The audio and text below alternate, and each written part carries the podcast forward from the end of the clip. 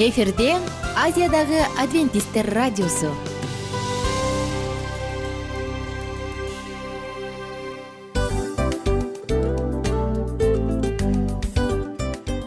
Достор салют. Баардык сүйүктүү угармандарыбызга салам айтабыз. Кутман күнүңүздөр менен. Ден соолук өмүрдүн булагы демекчи саламат саамы программасында баарыңыздарды көргөнүбүзгө абдан кубанычтабыз. Анда алгач амандашып өтөлү арбаңыздар деп. Ден соолугуңуздар кандай элибизде көбүнчө ден соолук кандай дегенде эле жакшы деп жооп беребиз э? ооруп турсак дагы жакшы дейбиз. Анан мен муну айтып ойлойт элем бул абдан сонун сөз депчи анткени бул жакшы деген үмүт да э ооба. баары жакшы болот. Баары сонун. Деп үмүттөнүп атып эле өзүбүздү өзүбүз дарылап коебуз. Анысы кандай сиздин дагы ден соолугуңуз жакшы беш деген үмүттөбүз чындыгында ден соолук бул өмүрдүн булагы деп бекеринен айтылган эмес деп ойлойм. Кыргыз элинде анткени эгерде ден соолук жок болсо анда адамдын жашоосунда калган баардык керектүү маңыздуу нерселер өзүнүн баалуулугун жоготуп коет. Ошондуктан ден соолук бул эң керектүү нерсе. Ооба туура айтасың кесиптешим. Чынында ден соолугуң жок бир эки үч күн ооруп калсаң эле э кандай болуп калат? Жашоодо көз каранды болуп каласың көп нерсеге жетишпей каласың көп нерсени кыла албай каласың жада калса эшикке дүкөнгө да чыга албай каласың. Туптуура анан ден соолук болсо демек биз биздин бактыбыз тоотойт деп койсок болот. Анда достор саламат саамы рубрикабызды баштайлы. Алдыда өзүңүзгө керектүү болгон сонун кеңештерди уга аласыздар. Мына ошондуктан биз менен бирге болуңуздар. Ал эми биз болсо милан жана айнура. Кеттик алга. Алга саламат саама ден соолуктун жарчысы. Саламат саама ден соолуктун ачкычы. Күн сайын сиз үчүн мыкты кеңештер сонун жаңылыктар кызыктуу фактылар биздин рубрикада.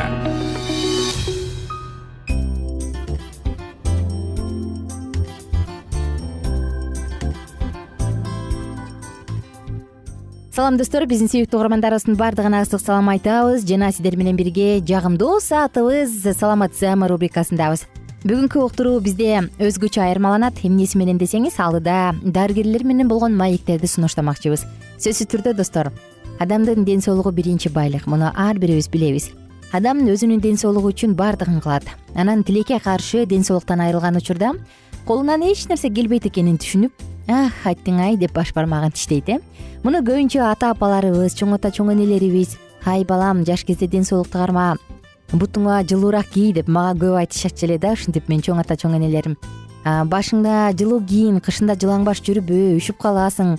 Ай кызым жуунуп алып эшикке чыкпа деген сыяктуу көп кеңештерин айтчу эле. Албетте биз булардын көбүн кулагыбыздын сыртынан кетирип коебуз бирок чындыгында кенедей кезибизден баштап ден соолукка туура кам көрүп туура тамактана турган болсок анда канчалы деген оорулуу коркунучтуу оорулардан алыс оолак болобуз. Жана албетте иштеп тапкан акчабыз дары дармек эмес өзүбүзгө өзүбүздүн жеке муктаждыктарыбызга жумшалат ошондуктан достор мен каалайт элем ар бир угарманыбыз жашоодо туура тандоолорду жасап ден соолугунун камын көрүп жүрөгүндө тынчтыкты сактап стресс депрессиядан ашыкча тынчсыздануудан алыс болуп көп нерсени жаратканга ишенип тапшырып коюп жашоодо мындай бактылуу күндөрдө жыргалчылыкта жашаса деген үмүтүм бар алдыда биз сиздер менен дарыгерлер менен болгон маектерди сунуштайбыз сиздерге. Жана сөзсүз түрдө бул уктурууларды уккан соң өзүңүзгө тыянак чыгарып мүмкүн ден соолукта кайсы бир жерине ремонт жасап э баягы тамашалап айтканда кайсы бир жерине көңүл буруп кайсы бир жери кыйкырып жаткан болсо мага көңүл бур деп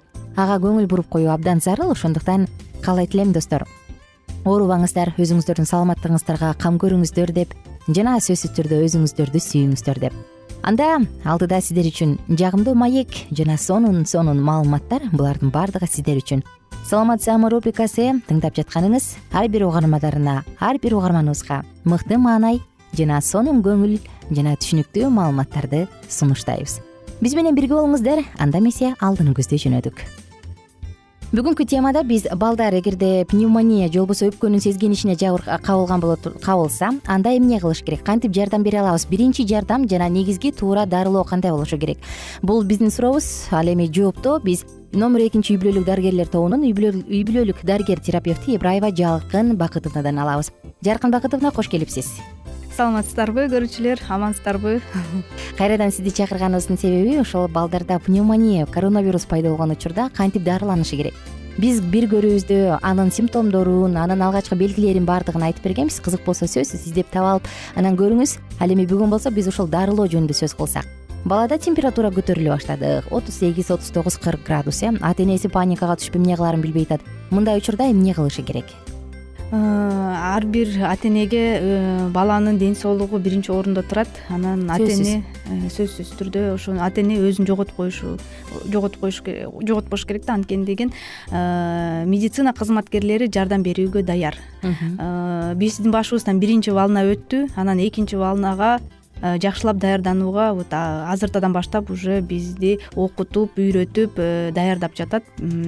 Ошондуктан э, эгер балаңыз үйдө ооруп кала турган болсо сиз сиздер билишиңиздер керек медицина кызматкерлери жардам бергенге даяр. Алардын номерлерин жана өзүңөргө жайгашыктуу үй бүлөлүк медицинанын телефон номерин билип ошол жерге баланы алып барса болот. Ал жактан толук Э, кандуу э, дарылоо э, кылып берет врач врач дарылап беришет. ооба. Бирок эгер бул түнү болуп калса эгер түн ичинде үй бүлөлүк медицина борбору иштебей калса анда биринчи иретте температураны баланын баягы биринчи симптомдору температура болгондуктан аны өлчөш керек. Ар бир үйдө азыркы заманда градусник болуш керек. Градусникти баланын дене табы отуз сегиз жарымдан өйдө болуп кетсе анда парацетамол обязательно бериш керек да. Парацетамол бир жашка жүз миллиграмм болуп эсептелгенде эки жашта эки жүз миллиграмм бешке чыккан балага уже чоң беш жүз миллиграммдык парацетамол берип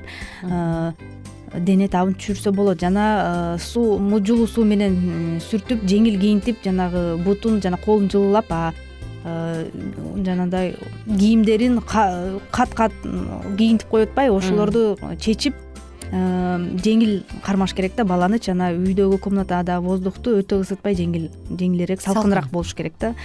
Анан кийин э, баягы жөтөлүп аткан учурда көбүнчө какырыкты чыгартуучу каражаттарды берип келишет го мындай учурдачы азыр э, фармацевтический отрасль аябай развитый э, тоолгон токой жөтөлгө каршы э, дарылар чыгып атат. Анан ошонун баарын эле бере бербеш керек балага анткени беш жашка чейин таптакыр жөтөлгө каршы дары берүүгө болбойт. Анткени ал дары баягы жөтөлүн какырыгын суюгураак кылып эметкен күндө дагы бала какыра албайт анткени ал ошондой навыков отхаркивания у ребенка нету да поэтому ал мокрото огуш бетер көпкө чогулуп анан ылдый пневмония э, альвеолдорго түшүп кетип анан пневмония оорусу болуп кетип атпайбы. Ошондуктан таптакыр э, врачтын кеңешисиз эч кандай жанагындай э, жөтөлгө каршы сироптор беш жашка чейин ичүүгө болбойт.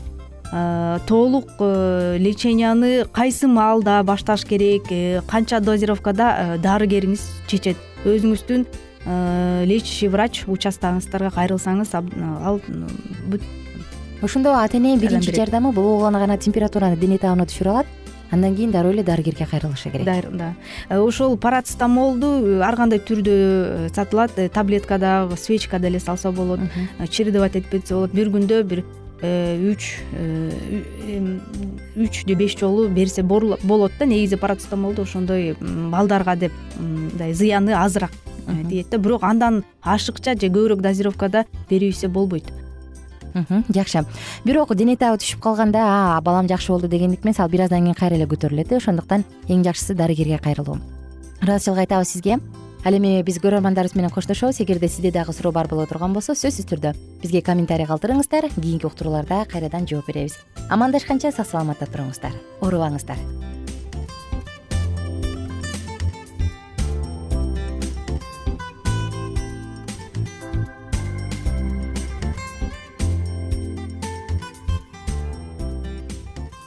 кененирээк маалыматтар үчүн үч w чекит саламат чекит клуб сайтына келип таанышыңыздар.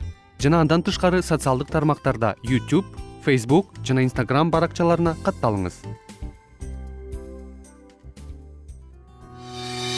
Саламат саама ден соолуктун жарчысы. Саламат саама ден соолуктун ачкычы. Күн сайын сиз үчүн мыкты кеңештер сонун жаңылыктар кызыктуу фактылар. Биздин рубрикада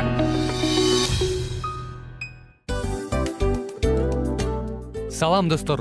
Кайрадан биздин сүйүктүү рубрикабызга кош келиңиздер деп айтмакчыбыз.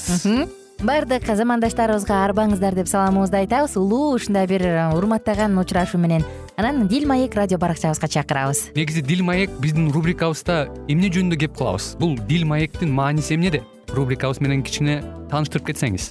Сөзсүз түрдө тааныштыра кетейин кесиптешим суранычы боюнча бул учурда бул радио баракчада биз ар тарап кесип ээлеринен сонун кеңештерди алабыз сүйлөшөбүз сырдашабыз. Аталарыбыздын эжелерибиздин апаларыбыздын кеңештерин угабыз айтор. Жан дүйнөгө адамдын э, сапатына адамдын деги эле адам болуп жашашына керектүү баардык кеңештер алдыда. Негизи э, дил маек дегенде баягы эки адамдын ортосундагы сырдашуу кенен сүйлөшүү. Негизи эле биз адамдар бири бирибиз менен бир жерге жай жерге отуруп алып өзүнчө тынч жашоо жөнүндө өмүрүбүздө эмне болуп атканын бөлүшкөнү жакшы көрөбүз э адамдар. Ооба туура айтасың анан мындай учурга кээде убакыт да жетпей келет э? Же болбосо сырыңды кайгыңды муңуңду кубанычыңды айткың келет адамга ишенбешиң мүмкүн. Ооба. А бул радио баракча угармандарыбыздын чыныгы досу. Анткени бизден алган кеңеш сиздин жашооңузга чоң жардам берет. Ал эми сиздин бизге айта турган сөзүңүз ортодо гана сыр бойдон калат. Ошондуктан биздин дил маек рубрикабызга дагы бир жолу кош келиңиздер. Жана биз даярдаган маалыматтарга даяр болуңуздар.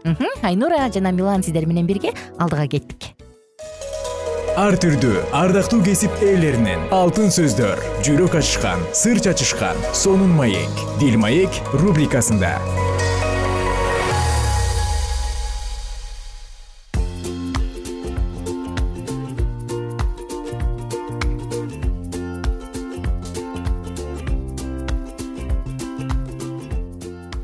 салют достор. Жалпы биздин сүйүктүү угармандарыбызга ысык салам айтабыз. Жана кайрадан дил маек рубрикасы. Кош келиңиздер. Кайрадан биз сиздер менен дал ушул уктурууда үй бүлө багытына арналган уктуруубузду баштайбыз.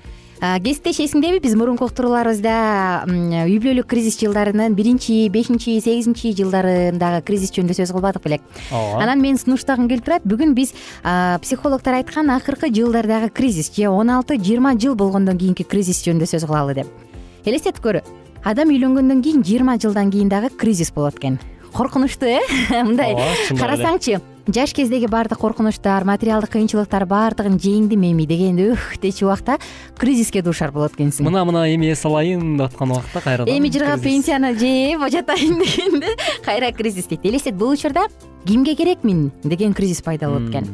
Мисалы карасаң чын эле баары жайында ушунча жыл ысыгыңа күйгөн суугуңа тоңгон жубайлар ажырашып кеткен дагы учурлар болот экен бул учурдачы. Муну психологдор балдарынын чоңоюп кетип жубайларынын ортосун байланыштырган нерсе жок болуп калганы менен түшүндүрүшөт демек алардын никеси балдар үчүн гана сакталып келген. Атасы жок өсөт а койбу атасы менен болсун энеси жок дегендечи.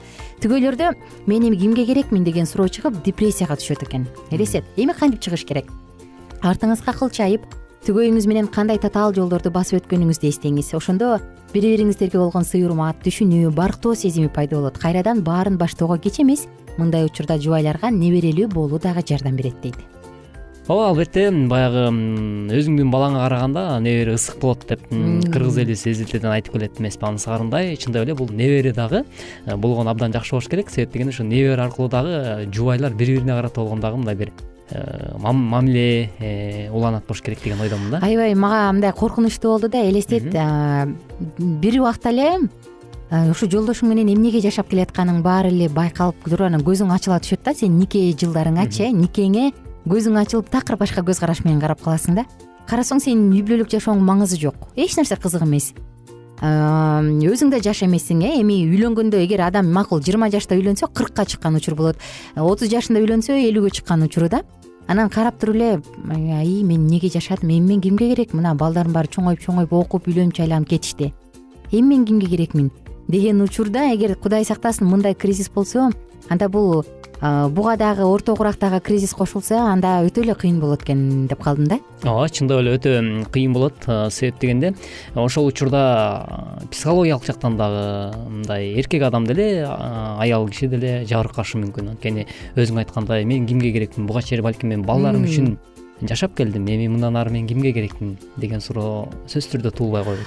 Э, таң калыштуусу психологдордун көпчүлүгү айтышат да бала үчүн деп э, үй бүлөнү сактап бала үчүн деп аракет кылбай эле коюш керек депчи. Анткени баланын жашоосу өзүнчө деп. Анын ордуна ошол жашап жаткан келинчегиң жолдошуң менен мамилеңди жаңылап аны жаңыча сүйгөнгө аракет кылыш керек депчи. Анан бирден бир себеби ушул болуш керек. Кийин алар бөлүнүп жайланып кеткенден кийин өзүңдү эч кимге керексиз ааламда жалгыз сезип калгандай сезбеш үчүн көрсө ушул керек экен деп азыр өзүмө тыянак чыгарып калдым. Кандай дейсиң? Туптуура мисалы бала бала деп эле бала үчүн жашай бербестен сөзсүз түрдө баягы алгачкы ошол жубайың менен баш кошкон учурларды эстеп анткени өмүр бою мен бул адам менен жашайм түбөлүк жашайм деп э, убадалашкансың да. Ошол убаданы э, мындай ар бир аял деле эркек деле эстеш керек го дейм да. Мисалы ошол өткөлү куракка келип калган учурда деле э, жанагындай элүү алтымыш жашка чыккан уракта деле сөзсүз түрдө мен буга чейин балдарым үчүн жашап келген болсом эми мындан ары бири бирибиз үчүн жашайлы түгөйүм үчүн жашайын деген бир ой болуш керек деген ойдомун эми бул кризис жылдарын албетте симптомдору болот да э? Анысы кандай баягы алдын ала жыттанган начар жытуу болот эмеспи? Соз никедеги кооптуу белгини санап беришиптир ошол жөнүндө айтсак. Жубайларда бири бирине болгон интимдик каалоо басаңдап же такыр жоголот бири бирине жагуу үчүн аракеттенбей калышат.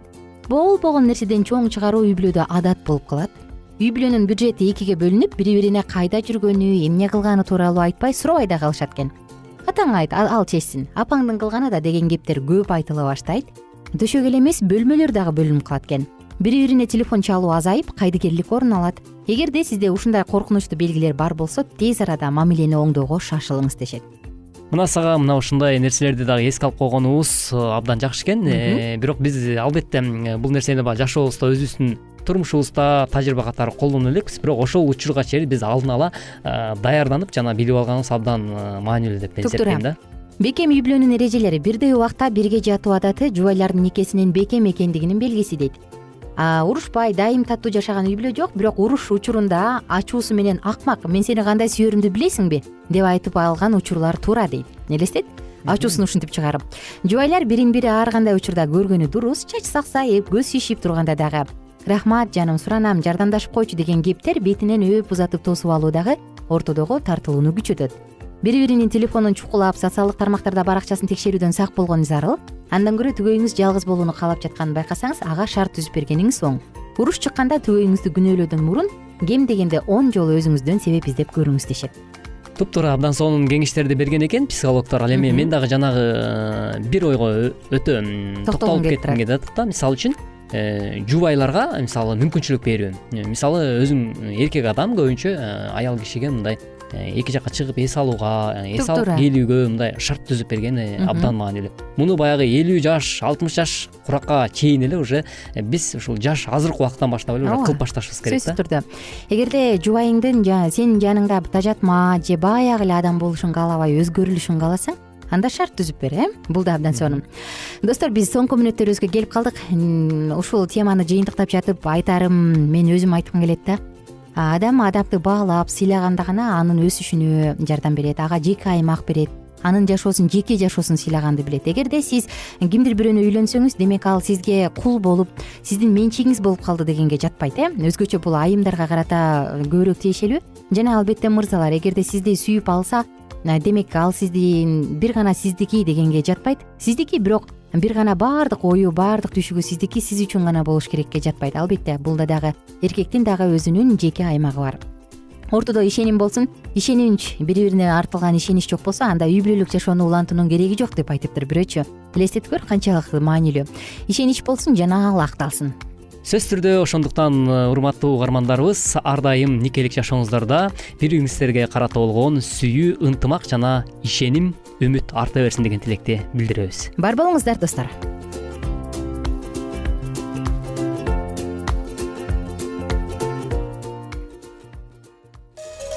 ар түрдүү ардактуу кесип ээлеринен алтын сөздөр жүрөк ачышкан сыр чачышкан сонун маек дил маек рубрикасында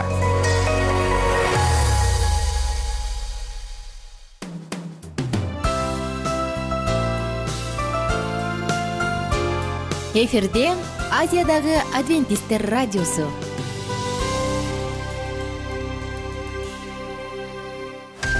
Жан дүйнөңдү байыткан жүрөгүңдү азыктанткан жашооңо маңыз тартуулаган жан азык рубрикасы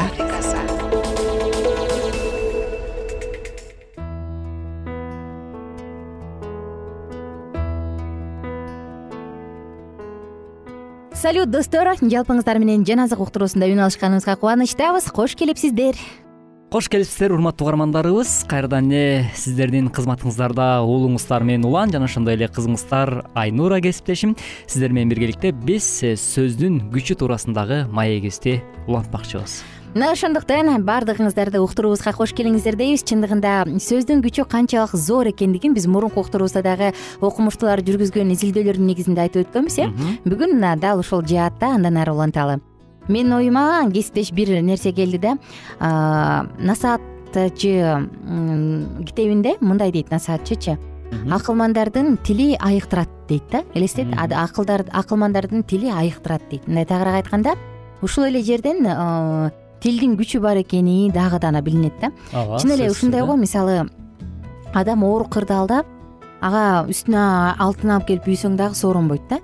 А бирок адам жанына туруп алып анын кайгысын анын оюн угуп жөн гана угуп отуруп сүйлөшүп берсең тим эле ал алтын бергенден да артык кубанып жанданып тирилип калат э. Адамдын сөзүнүн күчү бул абдан маанилүү. Адам сөздүн күчү менен кимдир бирөөнү тирилтип жандандырып койсо кимдир бирөөнү тескерисинче өлтүрүп коюшу мүмкүн. Тим эле жүрөгүн оорутуп киши айтпаган сөздү айтып жүрөгүн оорутуп экинчиби сени деген деңгээлге дагы жеткизип коюшу мүмкүн э? Ооба сөзсүз өзгөчө жубайлардын ортосунда мен ойлойм да жанагы көңүл калуулар болуп калат го э тилекке каршычы.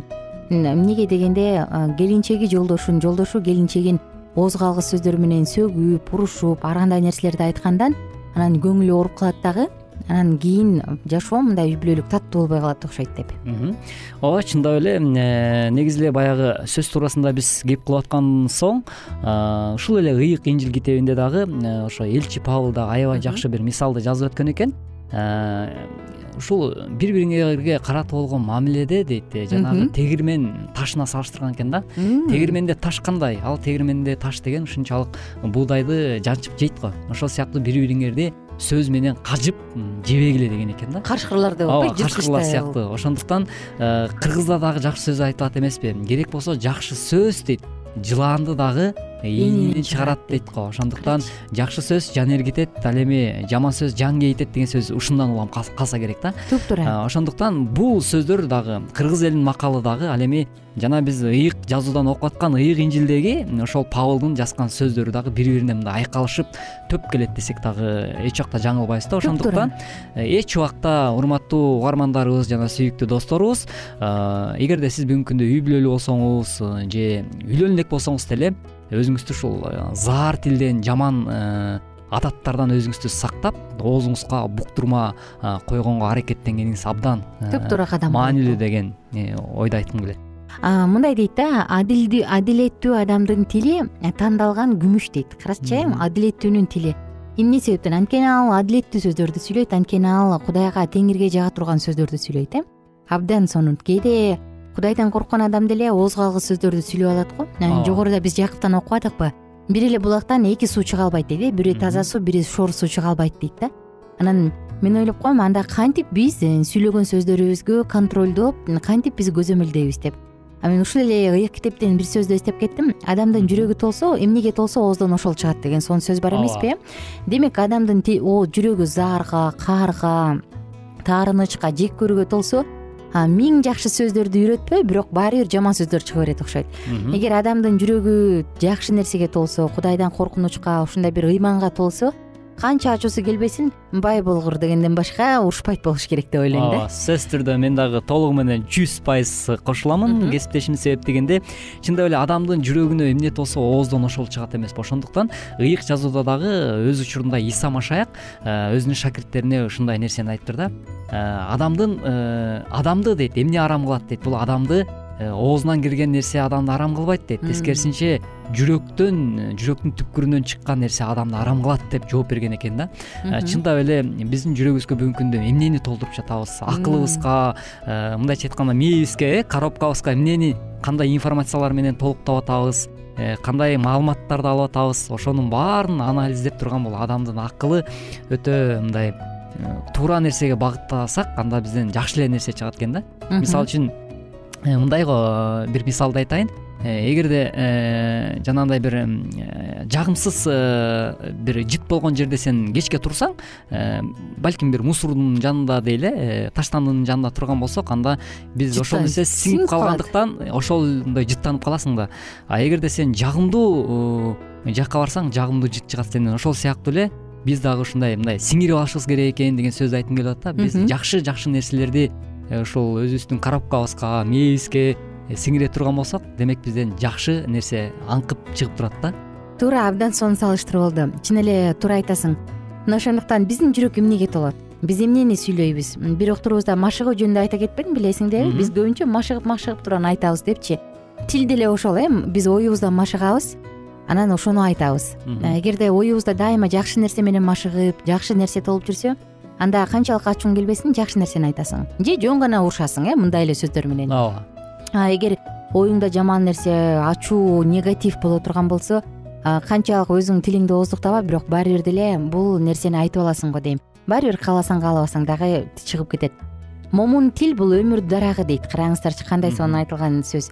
Момун тил өмүр дарагы дейт. Мына ошондуктан биз угармандарыбызга уктуруубуздун соңунда айткым келип турат келиңиздер биздин сөзүбүз адилдин кудайды да жаратканды даңктаган адилеттүүнүн сонун э, сонун бир сөздөр чыга турган тил болсун анан биздин тилдерибиз жалаң гана жакшы кабарды жакшы сөздөрдү тартууласын деп.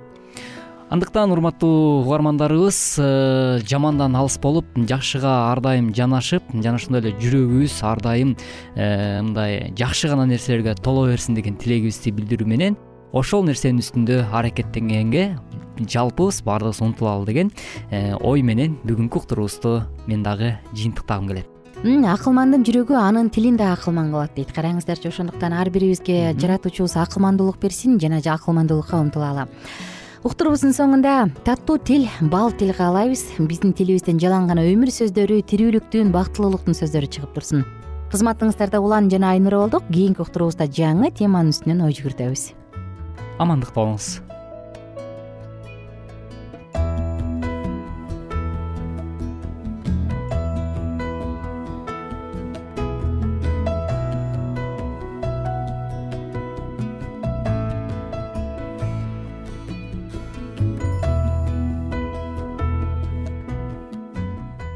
эгер сиздерде суроолор болсо же көбүрөөк маалымат билем десеңиз анда биздин whatsapp номерибизге жазыңыз. Плюс бир үч жүз бир жети жүз алтымыш алтымыш жетимиш. Кайрадан плюс бир үч жүз бир жети жүз алтымыш алтымыш жетимиш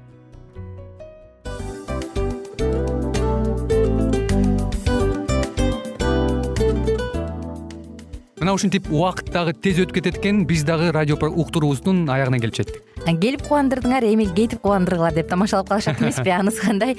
Радио баракчабызды программабызды азыр эле баштап аткандай болдук элек. Мына соңуна келдик э? Негизи убакыт э, билинбей өтүп кетет экен. Мен дагы э, убакыт дегенде бүгүн бир адам менен сүйлөшүп калдым. Анан убакыт бул мүмкүнчүлүк деп айтып өзүмө өзүм айтып алып анан мага өзүмө эле кайра ачылыш болду да чын эле Э, карап отурсаң ошол эле жыйырма төрт саат ошол эле жарым саат кайталанып атат. Бирок сендеги мүмкүнчүлүк жок ошол кой берилип кетти? Анысы кандай? Бүгүнкү сонун убактыңызды алтындай болгон жарым саатыңызды бизге бөлүп арнаганыңыз үчүн ыраазычылык айтабыз. Анан жашооңуздун кайсы бир сферасын өзгөртө турган сонун пайдалуу кеңеш алган болсоңуз анда биз максатыбызга жеттик. Анан ушул нерсени кылбасам десеңиз ошол өзгөрүүлөрдү кичинекей кадамдардан баштап иш жүзүнө ашырыңыз дагы жашооңузда чоң чоң ийгиликтерге жетиңиздер чын жүрөктөн ар бир берилген кеңештер сөздөр сиздерге пайдасын алып келет деп ишенебиз. Жана кийинки уктурууларда сөзсүз түрдө чыдамсыздык менен сиздерди күтөбүз.